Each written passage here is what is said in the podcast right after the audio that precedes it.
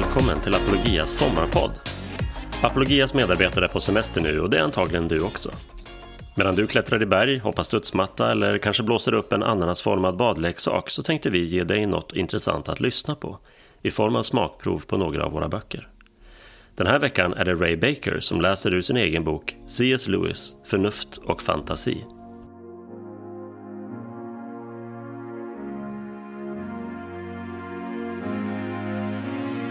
Kapitel 1 Biografisk översikt En nedslagen och motvillig konvertit C.S. Lewis föddes 1898 i Belfast i Nordirland.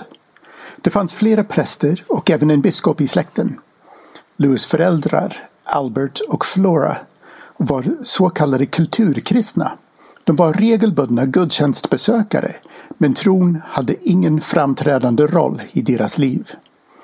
Louis pappa Albert var jurist och hans mamma Flora hade läst matematik vid universitetet. Hon gick bort i cancer när Jack, som Louis gärna kallade sig själv, bara var nio år gammal. Han berättade hur han bad för henne, men att hon dog ändå. Albert Lewis var en tidstypisk man ur den brittiska övre medelklassen. Han vågade inte visa sina känslor och visste inte riktigt hur han skulle kommunicera på ett meningsfullt sätt med sina söner Jack och hans storebror Warney. Albert visste inte heller hur han skulle kunna uppfostra pojkarna på egen hand och skickade iväg dem till internatskolor i England. Jack gick på fyra olika skolor mellan 1908 och 1914 och ger en dyster bild av dessa skolor i sin självbiografi. Han porträtterar dem som grymma platser fyllda av mobbning, penalism och sexuella övergrepp. Lewis var en duktig elev. Enligt en hyllande levnadstecknare kunde Jack läsa både grekiska och latin innan han fyllde sex år. Och innan han fyllde tio år lär han ha läst Miltons Det förlorade paradiset.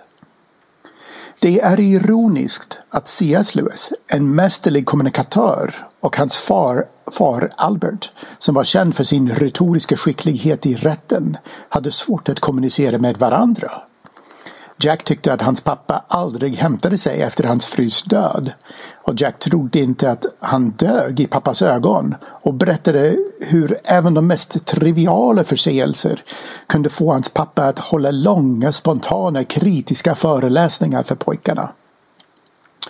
Trots att han hade möjligheten att ta farväl av sin son när Jack åkte iväg för att strida i första världskriget valde Albert att stanna hemma.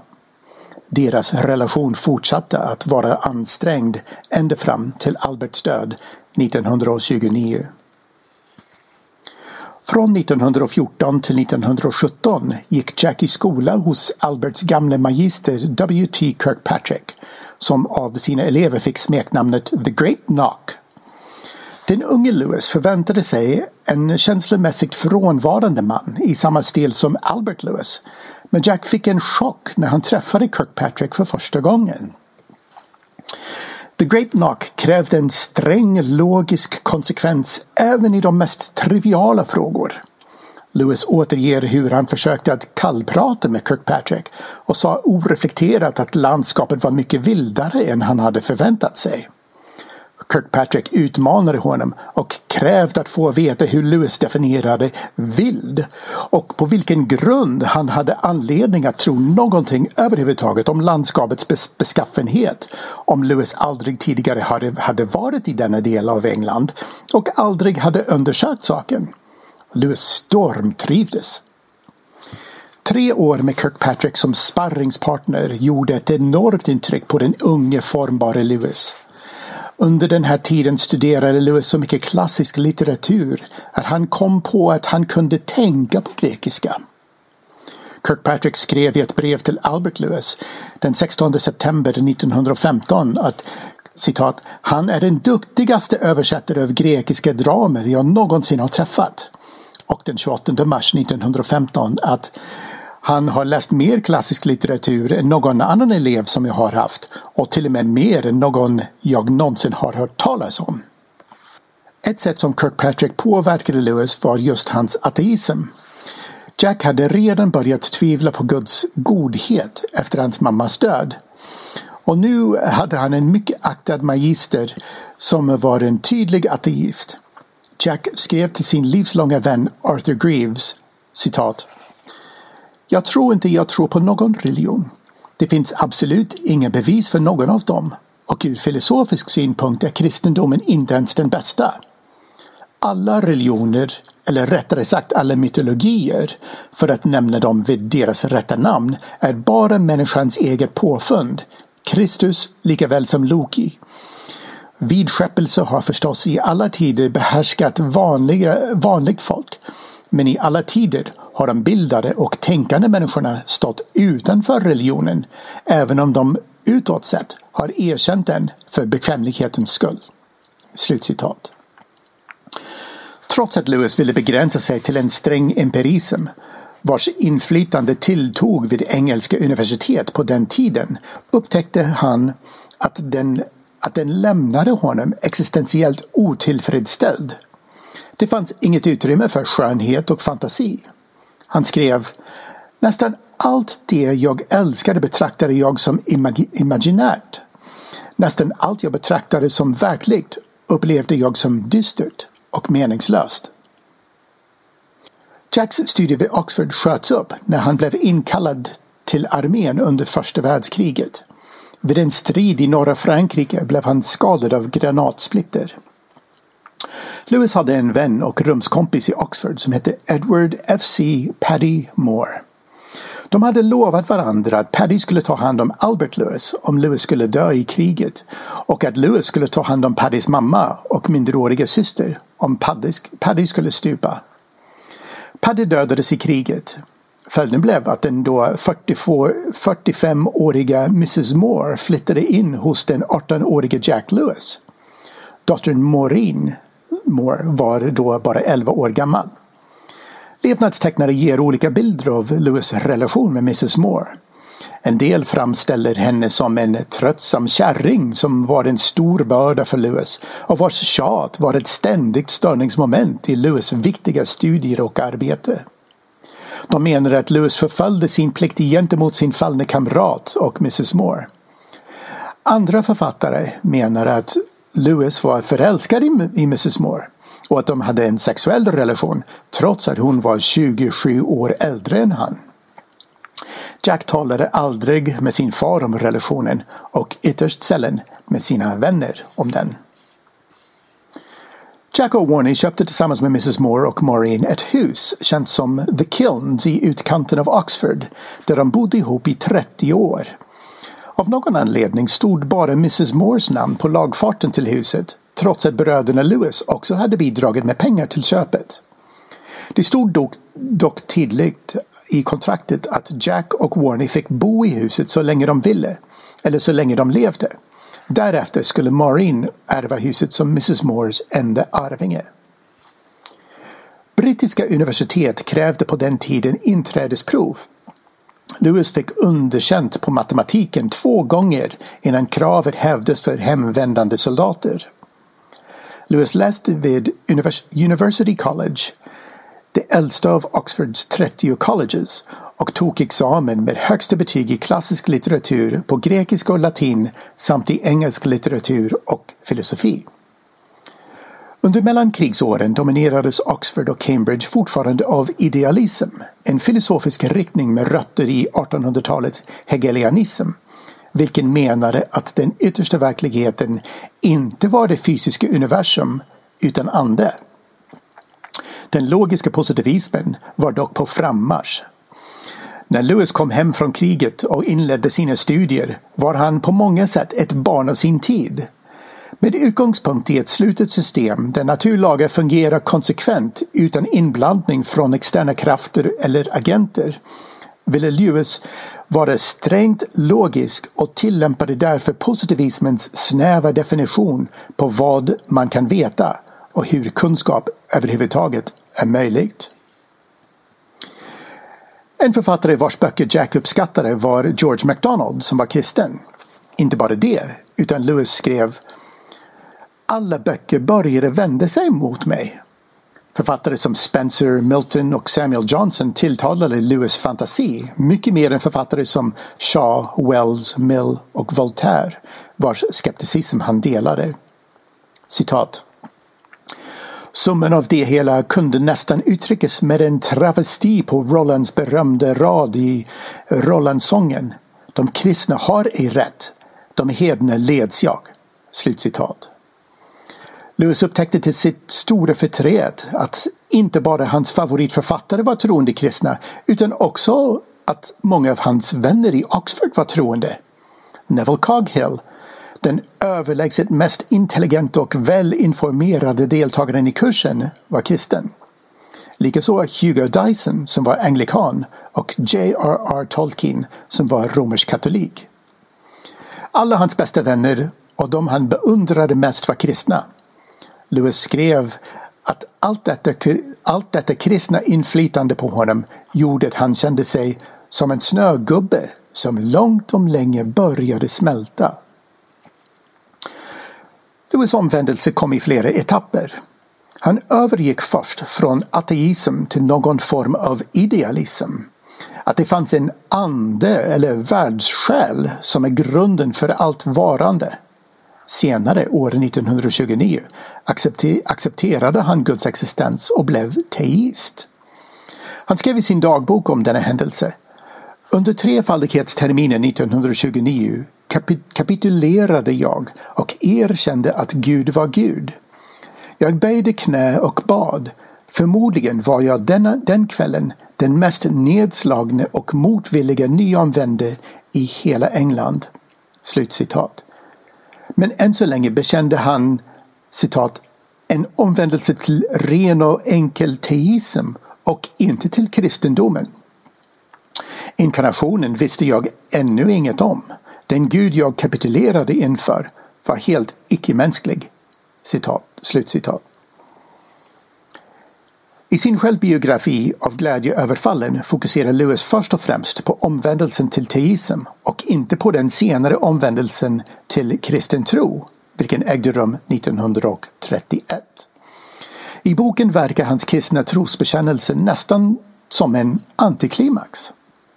Han beskriver den långa processen i flera brev till sin barndomsvän Arthur Greaves. Han skrev den 9 januari 1930. Trots att jag på sistone har ändrat uppfattning på många punkter är jag ändå benägen att tro att man bara kan vaska fram vad man kallar Kristus ur evangelierna genom att välja och vraka och halka över en hel del. Några månader senare skrev han till A.K. Hamilton Jenkin att han trodde på citat inte precis är kristen tro även om det i slutändan kan visa sig vara det. Slutcitat.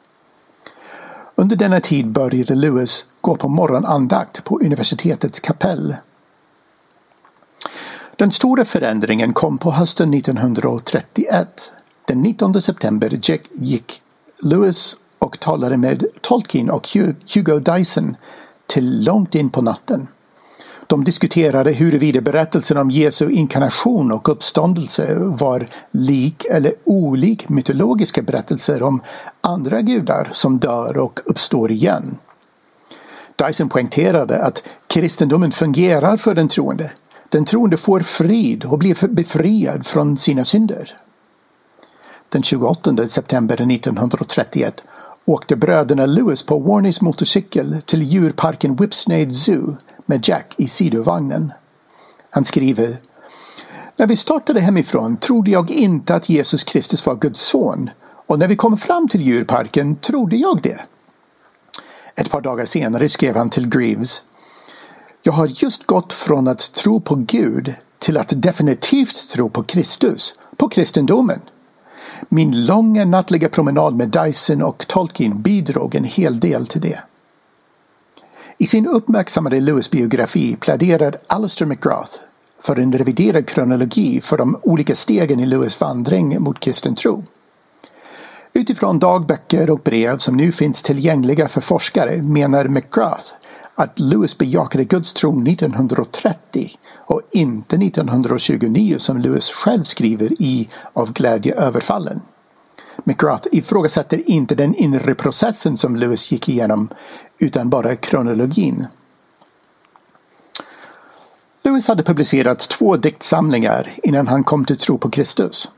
Hans första bok som kristen var Kristens omvägar, en allegori av hans egen väg till frälsning som påminner om John Bunyans klassiker Kristens resa. Lewis stora genombrott kom först med Från helvetets brevskola år 1942. Boken är en samling fyndiga brev från en äldre demon till en demonlärling i konsten att fresta människor. Lewis bekände långt senare i en intervju med tidskriften Decision att han inte gillar att skriva från helvetets brevskola. Citat. Breven var tröga och jobbiga att skriva. Vid den, vid den tiden funderade jag över invändningar mot det kristna livet och bestämde mig för att uttrycka dem i formen så skulle djävulen säga. Men att göra det goda ont och det onda gott blir så småningom, blir så småningom tröttsamt. Slutcitat. Utifrån bokens popularitet blev Lewis ombedd att, gör, att ge en serie radiosändningar på BBC om kristen tro. Manus till dessa sändningar gavs sedan ut som tre korta böcker som så småningom samlades till boken Kan man vara kristen? Vid den här tiden startade Lewis Oxford University Socratic Club ett forum där kristna, agnostiker och ateister som A.J. Ayer kunde träffas för att diskutera och debattera olika idéer. Lewis fortsatte som klubbens ordförande i 22 år.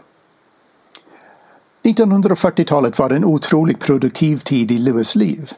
Vid sidan om Kan man vara kristen och Från helvetets brevskola författade han sina viktigaste apologetiska böcker under den här tiden inklusive Lidandets problem 1940, Människans avskaffande 1943, Den stora skilsmässan 1946 och Mirakel 1947. För ett tag sedan, hösten och vintern 2015, eh, kom nyheten att Lewis hade samarbetat med brittiska underrättelsetjänsten MI6 under andra världskriget. Tyskland invaderade Danmark och Norge den 9 april 1940. Island tillhörde på den tiden Danmark. För att hindra Tyskland från att kunna använda Island som språngbräde för en attack mot Nordamerika ockuperade britterna Island den 10 maj 1940. Brittiska Joint Broadcasting Committee, en obskyr enhet som förmodligen sysslade med propaganda, spelade in en föreläsning med Lewis som talade om The Norse Spirit in English Literature. Alltså den nordiska andan i engelsk litteratur. Föreläsningen som var på två 78 varvs stenkakor distrib distribuerades på Island för att skapa välvilja bland islänningarna mot den brittiska ockupationsmakten. Lewis pratade aldrig om detta men nämnde detta i ett brev till Arthur Greaves den 25 maj 1940 att han för första gången hade hört en inspelning av sin egen röst. Fram tills nu har Lewis forskare tagit för givet att det handlade om någon provinspelning för radiosändningarna som sedan blev Kan man vara kristen? I skrivande stund har bara en av de två stenkakorna kommit i dagen. Den köptes från Island på Ebay av en amerikansk Lewis-forskare och samlare. Under 1930 och 40-talen började en informell samling vänner kretsa runt Lewis de var författare och kulturpersoner från Oxford, vilket till stor del var kristna. De kallades The Inklings, vilket är en engelsk ordlek. Inkling betyder aning och dessa vänner var för det mesta författare som jobbade med penna och bläck, alltså ink. Regelbundna deltagare var J.R.R. Tolkien och hans son Christopher, C.S. Lewis och hans bror Warney, Owen Barfield, Charles Williams, Roger Lancelin Green, Hugo Dyson, Neville Coghill med flera. De träffades varje tisdag för lunch på puben The Eagle and Child där de diskuterade böcker och författare och där medlemmarna kunde läsa utkast till sina senaste verk för vännerna och ibland få svidande kritik. Bland annat fick delar av både Sagan om ringen och Narnia-böckerna sin första offentliga högläsning här. Joy Davidman Gresham var en sekulariserad amerikansk judinna En före detta ateist och kommunist som kommit till kristen tro bland annat genom Lewis böcker. Hon hade ett skarpt intellekt och var frispråkig. Hon började läsa vid universitet redan som 14-åring och hade avlagt mastersexamen vid 20 års ålder. Det sägs att hon hade ett fotografiskt minne. Hon var också författare och hade skrivit ett par böcker. Under hösten 1952 kom Davidman till England på ett längre besök. Hon hade skilt sig från sin våldsbenägne make. Lewis och Davidman träffades under det, detta första besök. Joy återvände sedan till England med sina två söner i december 1953. Brodern Warney skrev citat För Jack var dragningen till en början otvivelaktigt intellektuell.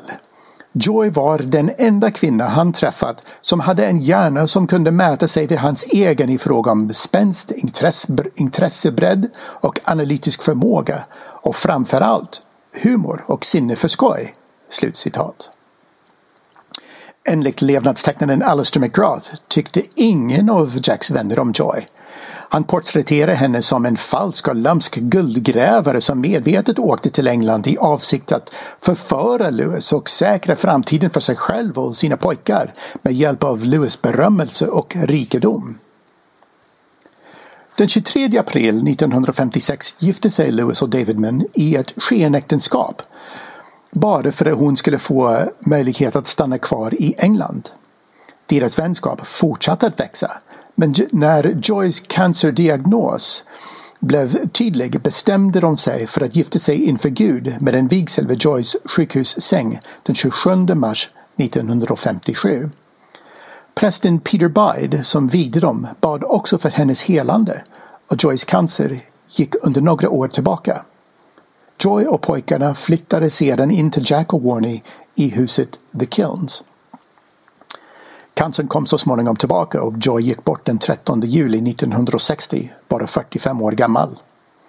Lewis var förkrossad och skrev boken Anteckningar under dagar av sorg som publicerades först under pseudonymen N.W. Clark. Inte långt efter Joys bortgång började Lewis egen hälsa att svikta. Han led av njurinflammation vilket i sin tur ledde till blodförgiftning. Han missade höstterminen i Cambridge på grund av ohälsan. Trots att han eh, så småningom hämtade sig från denna åkomma blev hans allmän tillstånd allt sämre. Den 15 juli 1963 blev han sjuk och togs in på sjukhus. Nästa dag fick han hjärtinfarkt och försjönk i koma men vaknade, vaknade till nästa dag. Han fick så småningom åka hem till The Kilns men han var fortfarande för svag för att kunna arbeta. I november fick han diagnosen dödlig njursvikt. Han gick bort den 23 november 1963 men hans död överskuggades av mordet på den amerikanske presidenten John F Kennedy samma dag. En annan känd profil dog samma dag, nämligen Aldous Huxley, författare till Du sköna nya värld 1932.